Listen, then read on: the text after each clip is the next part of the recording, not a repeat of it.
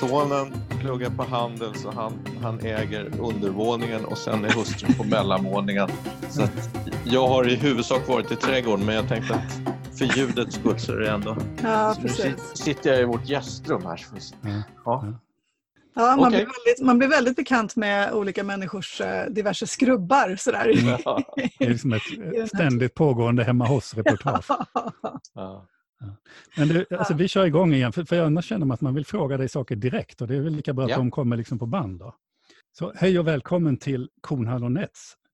Och det här är en skolpodd som vi gör i samarbete med tankesmedjan Arena Idé. Jag heter Per Kornhall, jag är författare och debattör bland annat. Och med mig i studion har jag som vanligt Ingela Nets. Hej Ingela! Hej Per! Vad tillbringar du din vardag? I de allra flesta fall på den skola där jag är rektor. En förskola och grundskola i Salems kommun, en Ja. Pysslingens skola. Men nu är du på grund av coronatider hemma för att du är lite, lite förkyld. Exakt så. Ehm, och vi ska säga det på en gång att vi gör som alla andra just nu, vi träffas på distans. Och det kan ha en viss påverkan på ljudkvaliteten och det vill vi be om ursäkt för.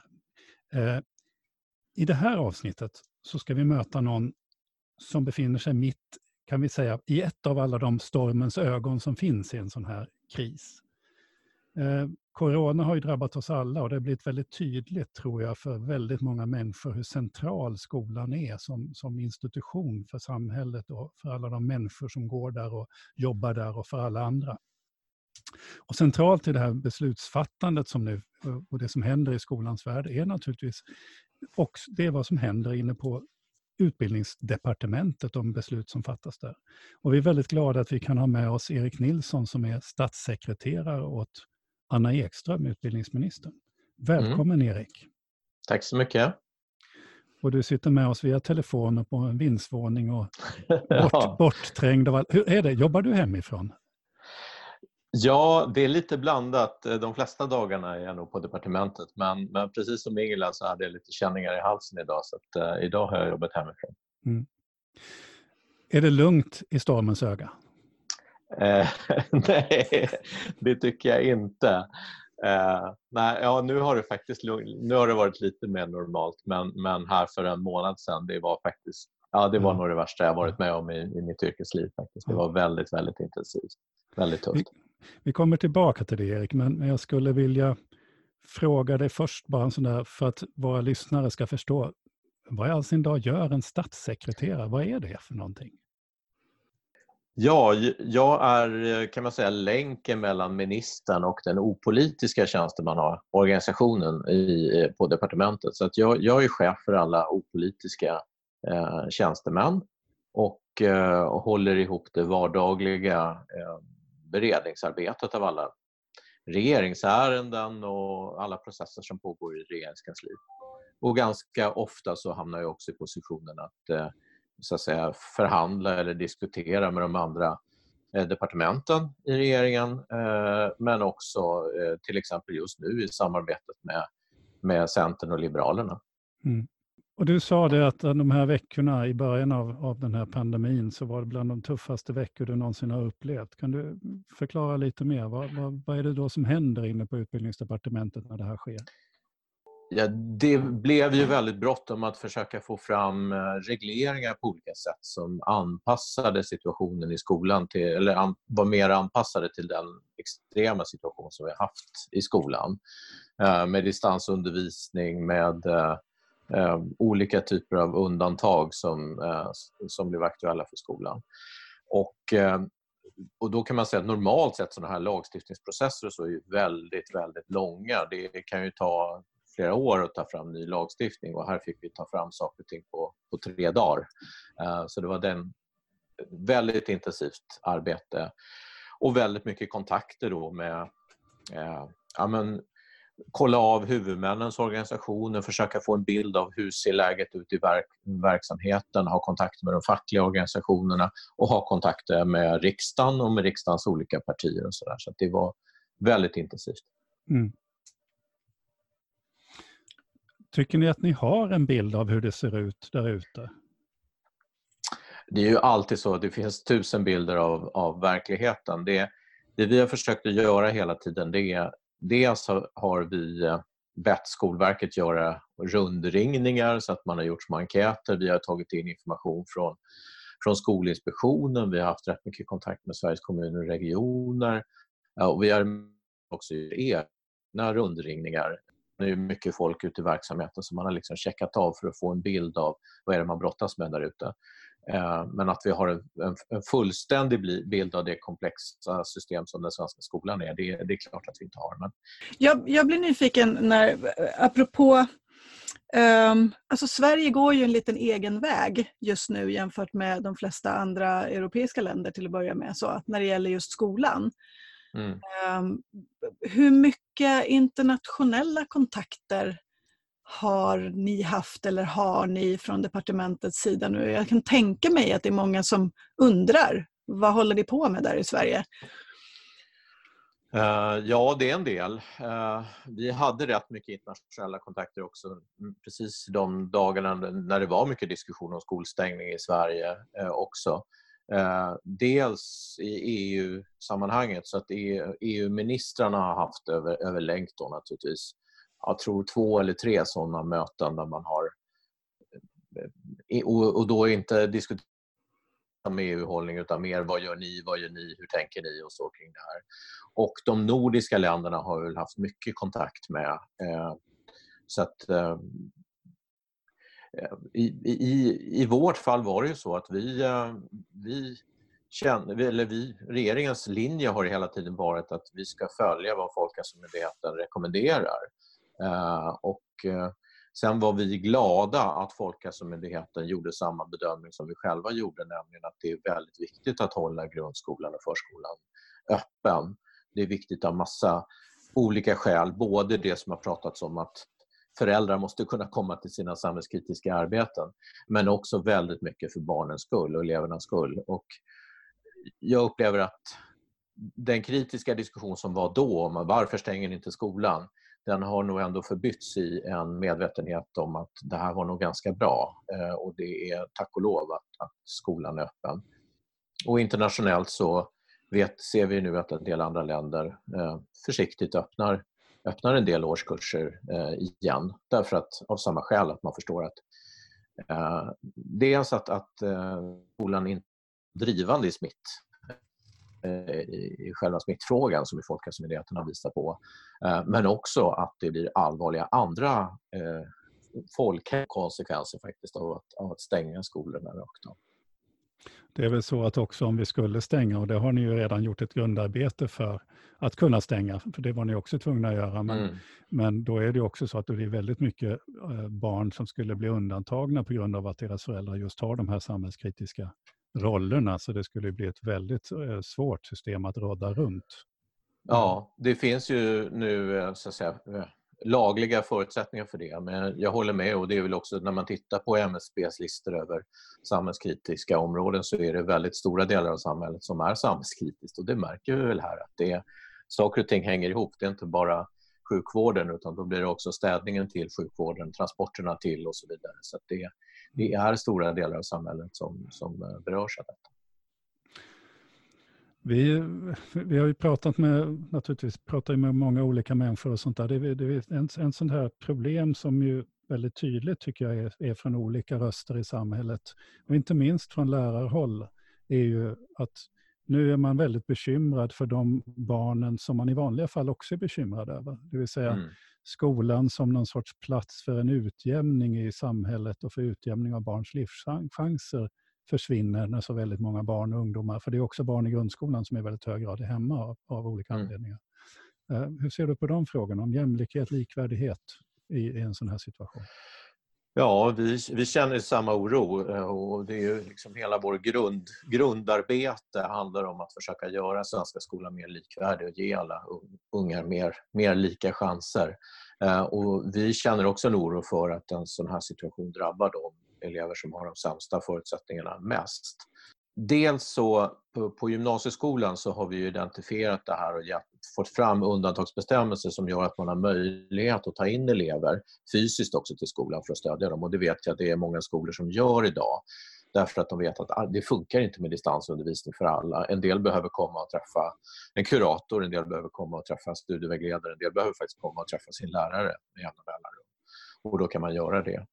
När det gäller grundskolan eh, så är ju liksom vårt budskap är ändå att friska barn ska gå till skolan.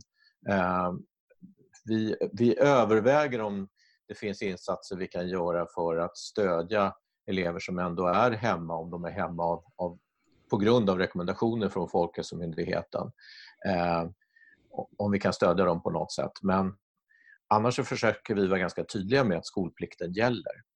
Vad skulle det eh, kunna vara för insatser? Eh, Nej, vi vet ju att det är en del skolor som gör det. Redan idag är det ju så att det är olagligt att bedriva distansundervisning så länge som skolan är öppen. Va? Den lagstiftning vi har tagit fram gäller egentligen bara när skolan är stängd. Men i grundskolan är ju skolan öppen och ändå på en del håll är det många elever som är hemma. Eh, och då överväger vi att skapa lagliga möjligheter för att stödja dem på distans också. Eh, så. Men det får inte vara huvudstrategin utan huvudstrategin är att friska barn går, eh, går till skolan. Eh, jag vet många kommuner som nu jobbar hårt i de utsatta områdena därför att vi ser tendenser till att frånvaron är högre i de utsatta områdena.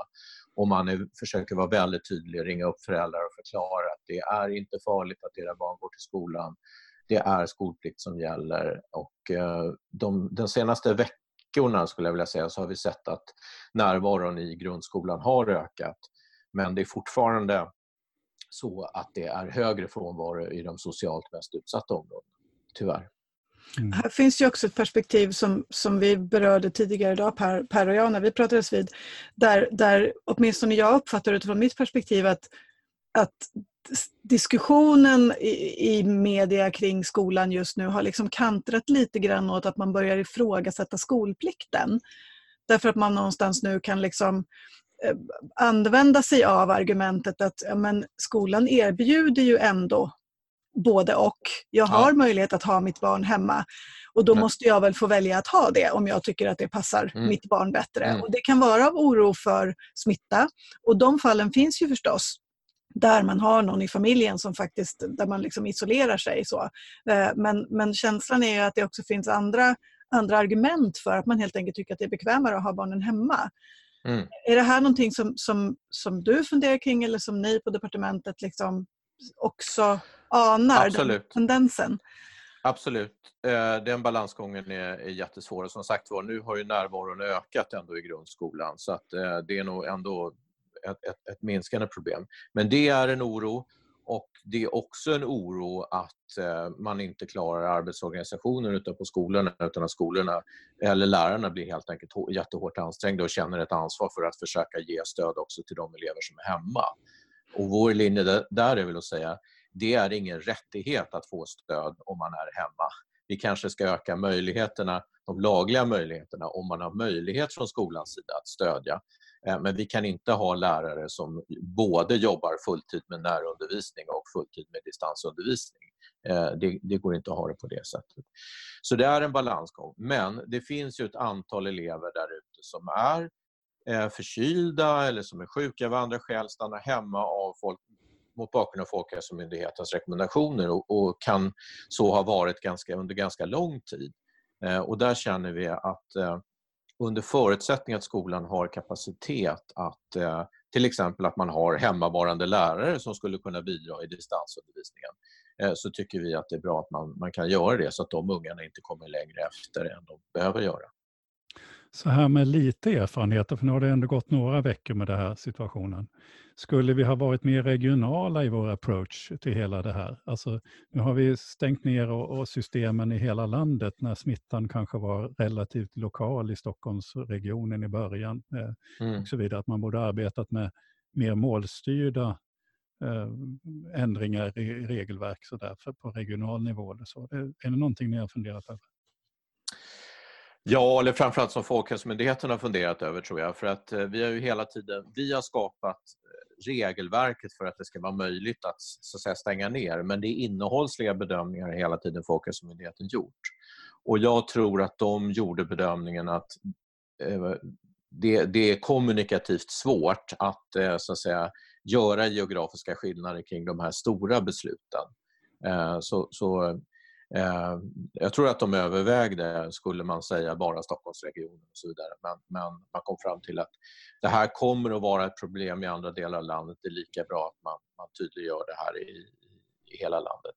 Mm. Sen det vi har fått göra efterhand är ju att lite mer finstilt att säga ja, distans funkar inte i alla lägen utan då har vi fått rätta upp det och säga att man kan göra undantag för praktiska moment i yrkesutbildningen, man kan göra undantag för att man, man måste ha en examination som inte går att göra på distans och man måste kunna stödja de här eleverna som behöver mer stöd, faktiskt fysiskt också på skolan.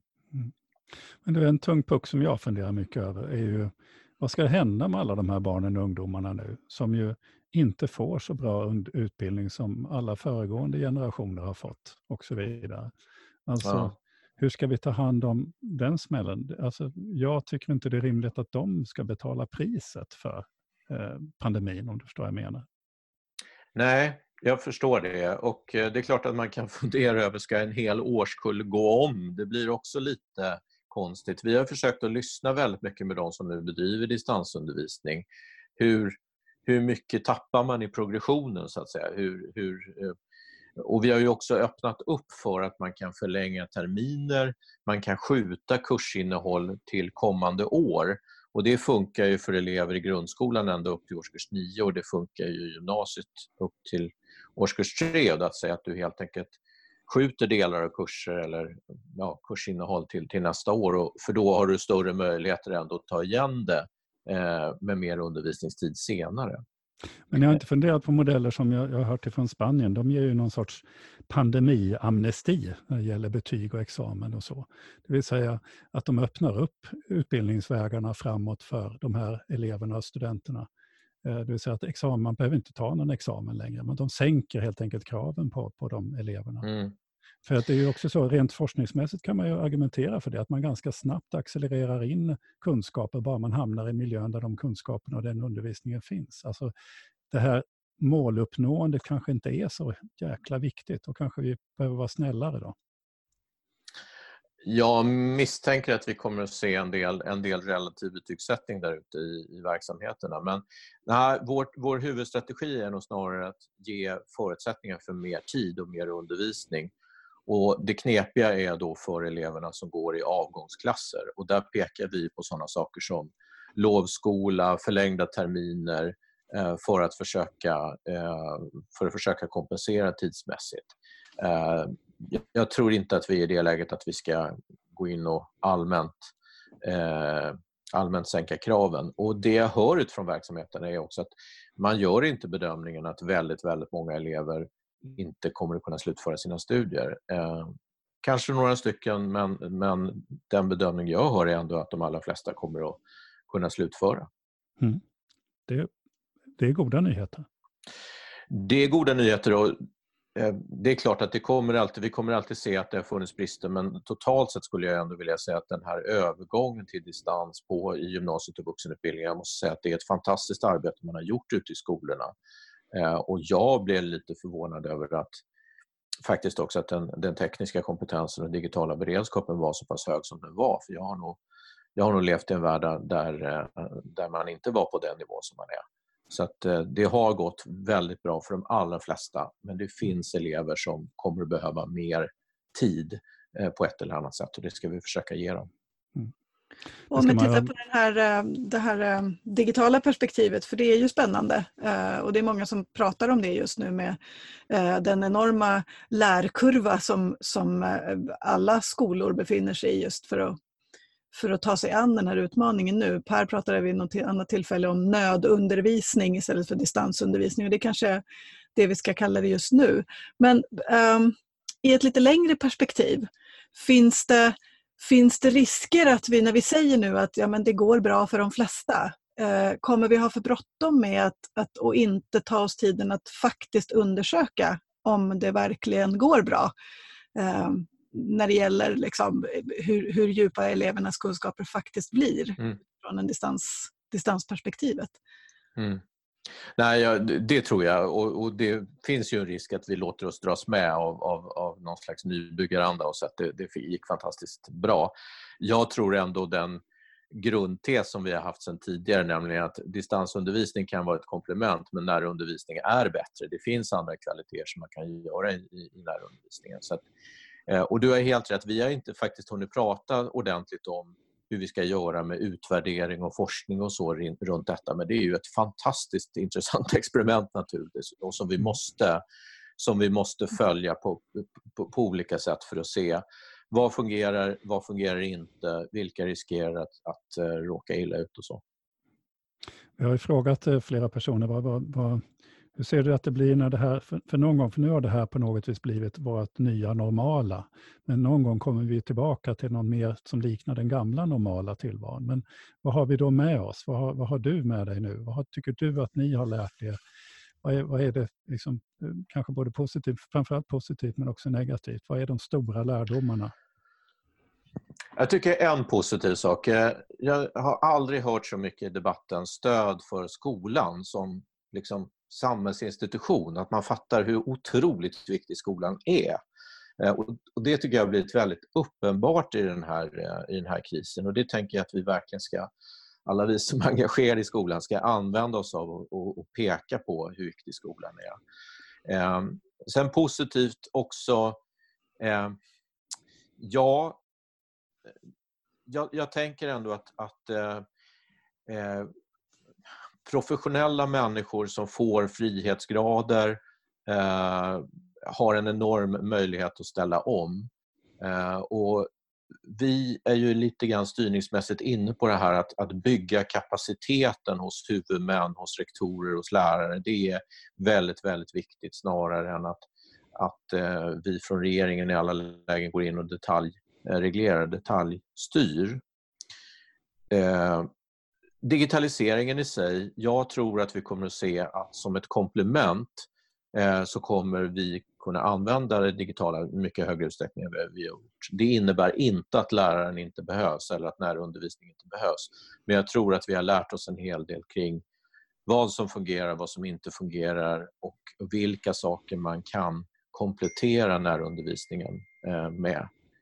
Men riskerna är naturligtvis de vi har varit inne på här att eh, när den här nära sociala kontakten inte finns där så, så riskerar elever, både som har kunskapsmässiga utmaningar men också som har sociala utmaningar, som faktiskt behöver en man behöver en trygg vuxen, man behöver vara, delta i en grupp. Eh, det, eh, det kan man inte bara ta bort utan eh, det, det, finns risker med det och det får vi titta noga på hur, hur, hur de eleverna kommer att ha drabbats av det här. Det finns ju en generation som upplever på något vis nu, eller en grupp, de här ungdomarna som upplever att deras inträde i vuxenlivet och sånt har blivit inte alls vad någon annan har. Det kommer ju vara ett trauma för en, en, en generation, eh, tror jag definitivt. Ja, eh, ingen, är, ingen kommer att vara opåverkad och vårt mm. uppdrag är väl att göra det så lite dåligt som möjligt. Eh, så. Det är mm. väl vårt uppdrag. Vad, vad, gör ni med allt annat arbete? För jag menar innan det här drog igång så var det ju hög aktivitet. Det var inte så att ni, att ni satt och rullade på tummarna och väntade på att det skulle komma en stor internationell kris. Alltså jag tänker på att ni har haft tunga utredningar på gång ja. och sånt där. Hur, hur, går det med allt det? Det, det, det vanliga ja. som, inte för er, som aldrig är, är vanligt på, på ett departement. Nej. Nej, men på ett sätt kan man säga att, att vi hade tur på det sättet att vi hade hunnit tillsätta väldigt mycket utredningar som ju, utredningarna har ju i allt väsentligt kunnat arbeta på under den här coronakrisen. Jag vet några utredningar som har begärt mer tid till exempel därför att man inte har kunnat genomföra intervjuer och sånt som man skulle ha velat. Men till exempel eh, nu här på måndag, vi spelar in det här på en torsdag, på måndag mm. så får vi Björn Åstrands tunga utredning om, om likvärdighetsfrågor som vi naturligtvis kommer att jobba intensivt med. Det som kommer hända är väl att en del saker kommer vi att få skjuta på tidsplanen för. Eh, därför att eh, en sak är utredningsarbetet, det löper på, men när det kommer in till departementet så ska ju departementets medarbetare bereda eh, olika typer av förslag, eh, hantera remissyttranden och liknande. Eh, och det får i många fall vänta lite grann. Där måste vi skjuta på tidsplanerna därför att vi måste först hantera de akuta coronafrågorna. Så risken är väl att en del av, av reformerna får Eh, Eh, ja, bli lite försenade i förhållande till vad vi hade tänkt oss från början. Mm. Eh, jag har en, en, en helt annan fråga. Um, med tanke på att vi, vi, vi skrattar ju lite sådär rått åt hur, hur galen tidsperiod det här har varit och fortfarande är för många av oss. Vi jobbar väldigt mycket uh, och, och, ingenting är som det brukar. Uh, på skolan så, så leker eleverna coronakull för att liksom hantera uh, oro och, och, och förhålla sig till situationen. Vad gör ni på utbildningsdepartementet för att lätta på trycket? ja, um, om du skickar mig reglerna för coronakurs så ska vi ta upp det. Det är väldigt enkelt. En är corona och resten är vaccin. Ja, jag förstår. Jag fattar. Ja, precis. Uh, ja, nej, men det är väl som på alla arbetsplatser, tänker jag, att, man, att det blir en del sån här liksom, eh, humor som utvecklar sig för att man, man försöker hantera situationen. Men eh, eh, vi har ju tyvärr, vi, vi brukar ha sån här eh, sommar, någon slags sommarmiddag där vi, gör, där vi skriver spex varje år i politiska ledningen och eh, tyvärr måste vi ställa in det i vår och jag känner mig frustrerad för jag hade verkligen sett fram emot att få skriva ett smaskigt spex på detta tema men vi får väl köra det framåt jul kanske. Mm. Så. Ja, ska, vi kanske ska avsluta där. Alltså det, eh, det har varit väldigt, väldigt intressant att prata med dig om de här sakerna. Jag vet inte om det är någonting annat som du skulle vilja ha chansen att säga till, till de som lyssnar utifrån ditt perspektiv.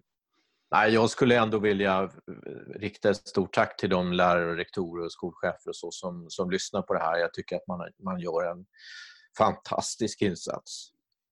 Helt enkelt. Ja. Helt fantastisk. Det är väl en av de sakerna i en sån här pandemi. Man får syn, alltså, jag tänker ibland på vet, alla de här zombiefilmerna som finns och, och apokalyptiska filmer. Det handlar alltid om att människor blir stora egoister när de här kriserna slår mm. till. Men det som händer är ju istället att vi, att vi snarare det, det motsatta är ju det som faktiskt händer. Att vi tar vara på varandra mer, att vi är mer hänsynsfulla kanske än annars. Och, och så. Mm. Ja, jag tycker verkligen det. Och, um, Ja, jag är jätteimponerad av det arbete som, som görs i svensk skola just nu. Mm. Du, Erik, tusen tack för att du har varit med oss. Mm. Eh, och lycka till med ert fortsatta och viktiga arbete. Tack så mycket. Verkligen, tack, tack så mycket. Hej, hej. Ja, vad tänker vi om eh, departementets roll och, och liksom maktens yttersta utposter i, i, i svensk skola? Alltså jag, jag blir ju lite berörd, för alltså jag förstår ju att de har jobbat väldigt, väldigt hårt. Det hörs ju på honom där i början. Eh, alltså de har jobbat väldigt, väldigt, väldigt, väldigt, väldigt långa arbetsdagar. Och det här mm. är ju människor som jobbar hårt, har jobbat hårt annars i sitt yrkesliv. Mm. Eh, men både han och Anna Ekström och flera andra har ju vittnat och gått ut om att det här har inte, inte liknat någonting annat. Mm. Man har sprungit benen av sig för att försöka få de här sakerna på plats. Mm. Och det är ju inte så att det, det, är unikt i skolsystemet, utan det gör ju lärare och skolledare också. Eh, så. Men, men, men också de på departementet har gjort det. Mm. Och jag blir lite berörd av, av, av hela det här, hur vi, systemet fungerar och, och, och, hur snabbt man ändå kan få vissa saker på plats och alla de här svåra avgöranden som vi har, har, har gjort. Ja, mm. ja nej, men jag tycker också att det finns, det, det, det um, i, i den liksom globala kultur som finns där, där länder inte alltid är så noga med de demokratiska processerna längre och många liksom tar sig friheter när man passar på när, när det är en, en svår situation så är det ju någonstans oerhört betryggande att, att liksom man faktiskt eh, kör hela den här liksom lagmässiga behandlingen även om man gör den på någon sorts snabb, eh, i snabb tempo för att möta behoven men att man inte bara hoppar över de delarna. Och den, mm. den sidan av, av liksom det politiska och tjänstemännens arbete tror jag inte att vi dagligen riktigt går och funderar på hur mycket arbete det faktiskt ligger bakom det.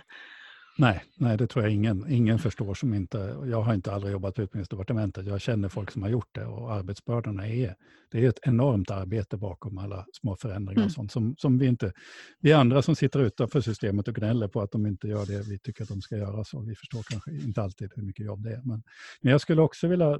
En annan sak som, har varit, som inte riktigt var i det här samtalet naturligtvis, men han var inne på det. Eh, jag är ju väldigt, väldigt glad för den, den politiska samsyn som man då har haft också. Alltså att alla i riksdagen och, och alla oppositionspartier och januariöverenskommelsepartier allihopa ändå på ett sådant sätt har slutit upp kring det som har hänt. För det, det måste man ju göra i en sån här situation. Eh, men, men jag vill ändå ge dem en eloge för att det, att det har blivit så. För annars skulle det vara hopplöst för alla småspelare i systemet om man dessutom hade bråkat om hur det här ska gå till. Eh, mm. Så, så att det, ja, det är lite, lite imponerad och samtidigt så finns det naturligtvis jättemycket att fundera över vad man behöver göra och inte göra. Mm. Erik var inne på att man bara ska förlänga, man egentligen det, det man gör det är att förlänga tid. Man, egentligen så ställer man högre krav på de här barnen och ungdomarna. Eh, och frågan om det, är, om det är rimligt att eh, göra det och hur länge man kan göra det och i vilka man pratar om avgångsklasser, man tänker kanske inte då på att gymnasiet, de har hela tiden avgång, alltså deras kurser tar hela tiden slut. Exakt. Det är alla elever på gymnasiet som drabbas av ja. olika effekter. Och, och, som vi har varit inne på bland annat när vi pratar med lärarfackens eh, företrädare om, om eh, någon ska ju också sköta den här undervisningen som ska ligga utöver det, det vanliga och, och, på en annan tid än den när vi normalt bedriver undervisning. Eh, och den måste vara av hög kvalitet för att den ska fylla sin funktion och liksom jaga ikapp det som man tappar nu. Så det finns ju en massa frågetecken kvar där som, som vi kanske inte har några jättetydliga svar på. Nej, och det blir ju rent, vi rör oss in i arbetsrättsliga frågor och så. Mm. När det gäller det, naturligtvis. Mm. Nej, men, men eh, ja, det var väldigt kul att få prata med Erik. Om det. Verkligen, verkligen.